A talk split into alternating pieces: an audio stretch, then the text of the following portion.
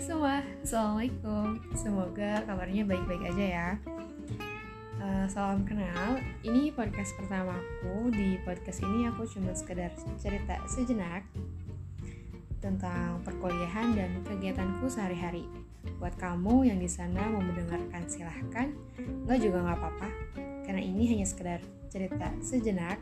Untuk itu tunggu cerita sejenak nanti ya. Dah.